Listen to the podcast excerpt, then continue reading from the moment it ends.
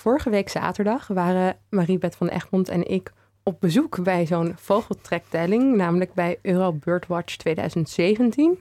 Um, en Mariebeth maakte hier een reportage over. Op een heuvel in het Amsterdamse Diemerpark spraken wij onder een paraplu met Frank van Groen, bioloog en actief lid van de Vogelwerkgroep Amsterdam. In regen en wind hadden hij en andere vrijwilligers die ochtend de vogels geteld die richting het zuiden trokken.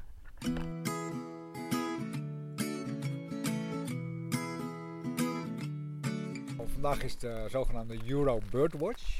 Dat is een internationale vogelteldag. Daar doen 40 landen in heel Europa aan mee. daar worden allerlei tellingen georganiseerd.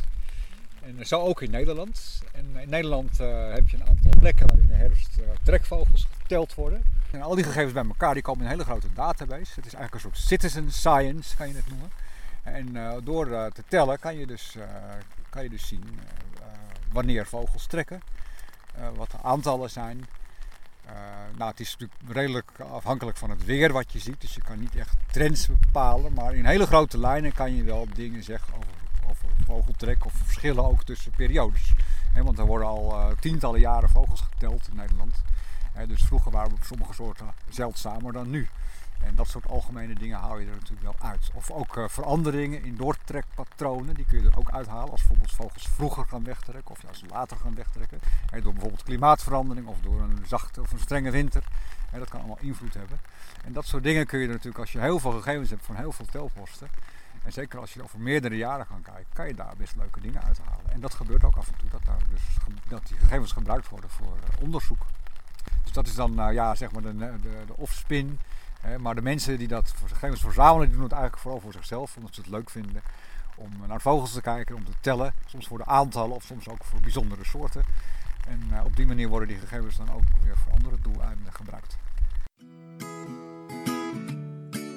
Ook is er een eh, trektelpost in het Diemerpark. Dus eh, met de vogelwerkgroep hebben we hier vandaag eh, een gezellige ochtend gehad. Het was heel leuk. We hadden natuurlijk koffie en thee bij ons en een paar pakken stroopwafels. En, het is een moment om een keer uh, elkaar even te spreken.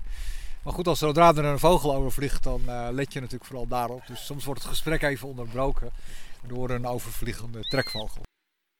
Hier vliegt een sperwer net voorbij. Zag je? Die kwam tussen ons door. Ja, ja. was een sperwer, ja. Ik denk dat ik hem nog meet, hè, want we hadden eigenlijk besloten de telling uh, af te sluiten om uh, vijf over half één. Dan zijn we precies vijf uur aan het tellen. Uh, dus de sperwer die kan nog net op de valreep kan die in het laatste uur worden meegenomen.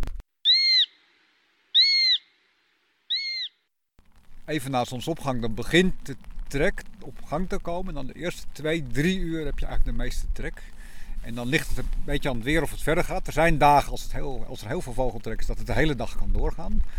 Uh, soms heb je ook smiddags als het wat warmer wordt dat, je, dat roofvogels wat meer gaan trekken. Want die hebben natuurlijk vaak warmte en thermiek nodig om te gaan vliegen. Dus die komen vaak wat later. Maar meestal is dus de eerste uren van de dag is het best uh, om vogel, vogels te zien langstrekken. We staan natuurlijk met een grote groep, dus iedereen die kijkt een beetje in de lucht of hij wat ziet met het blote oog of met de verrekijker. En als je wat ziet, dan roep je even de soort en het aantal. En dat wordt dan genoteerd op de zogenaamde trektellijst. En uh, ja, je kan dan meekijken. Als, als er iemand iets ziet, dan is het natuurlijk leuk. Dan, kijkt iedereen ook die kant op. En dan uh, zie je bijvoorbeeld een groepje aalscholvers overvliegen. Of een groepje ganzen. Of zo'n groepje graspiepers. En uh, ja, dat, trekvogelstel is, is heel spannend. Want je weet nooit van tevoren precies wat je gaat zien en hoeveel je gaat zien. Het was vandaag een eh, redelijke dag voor de zanglijster. We hebben aardig wat rietgorsen gezien, spreeuwen, houtduiven en uh, ook al wat ganzen, wat grauwe ganzen. Regelmatig hadden we witte kwikstaart over. We hebben heel mooi een grote gele kwikstaart gezien. Wat de meest bijzondere vogel was die we vandaag gezien hebben, was het, of gehoord eigenlijk hebben, dat was het bladkoninkje. Het is een klein, heel klein zangvogeltje. Die komen van de andere kant van de oeral, dus uit Azië, komen ze in de herfst op trek in West-Europa voor. algemeen trekken de vogels naar het zuiden, omdat het winter gaat worden. En eh, de ene soort begint eerder met trekken dan de andere. Zoals bijvoorbeeld in augustus, dan gaan de gierzwaluwen weg. We hebben nu de afgelopen periode heel veel zwaluwtrek gehad. En nu in oktober krijg je meer uh, lijsters en vinkachtigen die gaan trekken. Spreeuwen.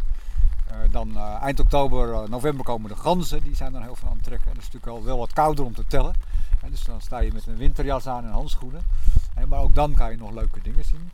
En ja, het ligt een beetje aan de soort waar ze heen gaan. Die zwaluwen gaan natuurlijk heel ver, die gaan de Sahara over, die gaan naar Zuid-Afrika. En ganzen gaan bijvoorbeeld misschien alleen maar naar Zeeland. Hè, dus het ligt eraf naar Engeland. Spreeuwen vliegen vaak naar Engeland hè, om te overwinteren.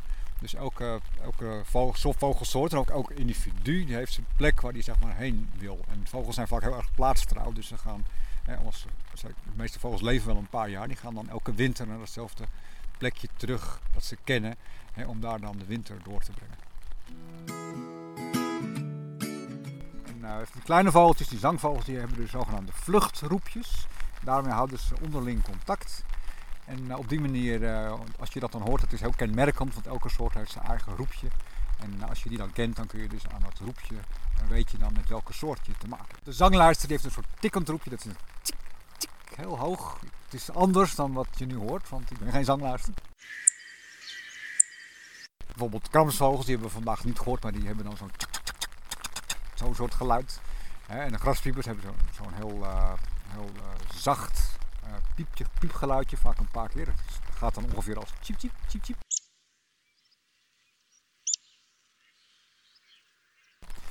dus elke, elke vogel die heeft een eigen vluchtroepje. Dat zijn hele andere geluiden dan die vogels maken in het voorjaar als ze het territorium afbaken door te zingen. dus die vluchtroepje is een totaal ander geluid vaak. Dus dat moet je een beetje leren, dat moet je een beetje kennen. En we leren ook weer van elkaar natuurlijk hier uh, met z'n allen op zo'n dag. Dus dat is ook leuk. En de grote vogels, ja, die herken je gewoon aan het, uh, aan het formaat en aan hoe ze vliegen.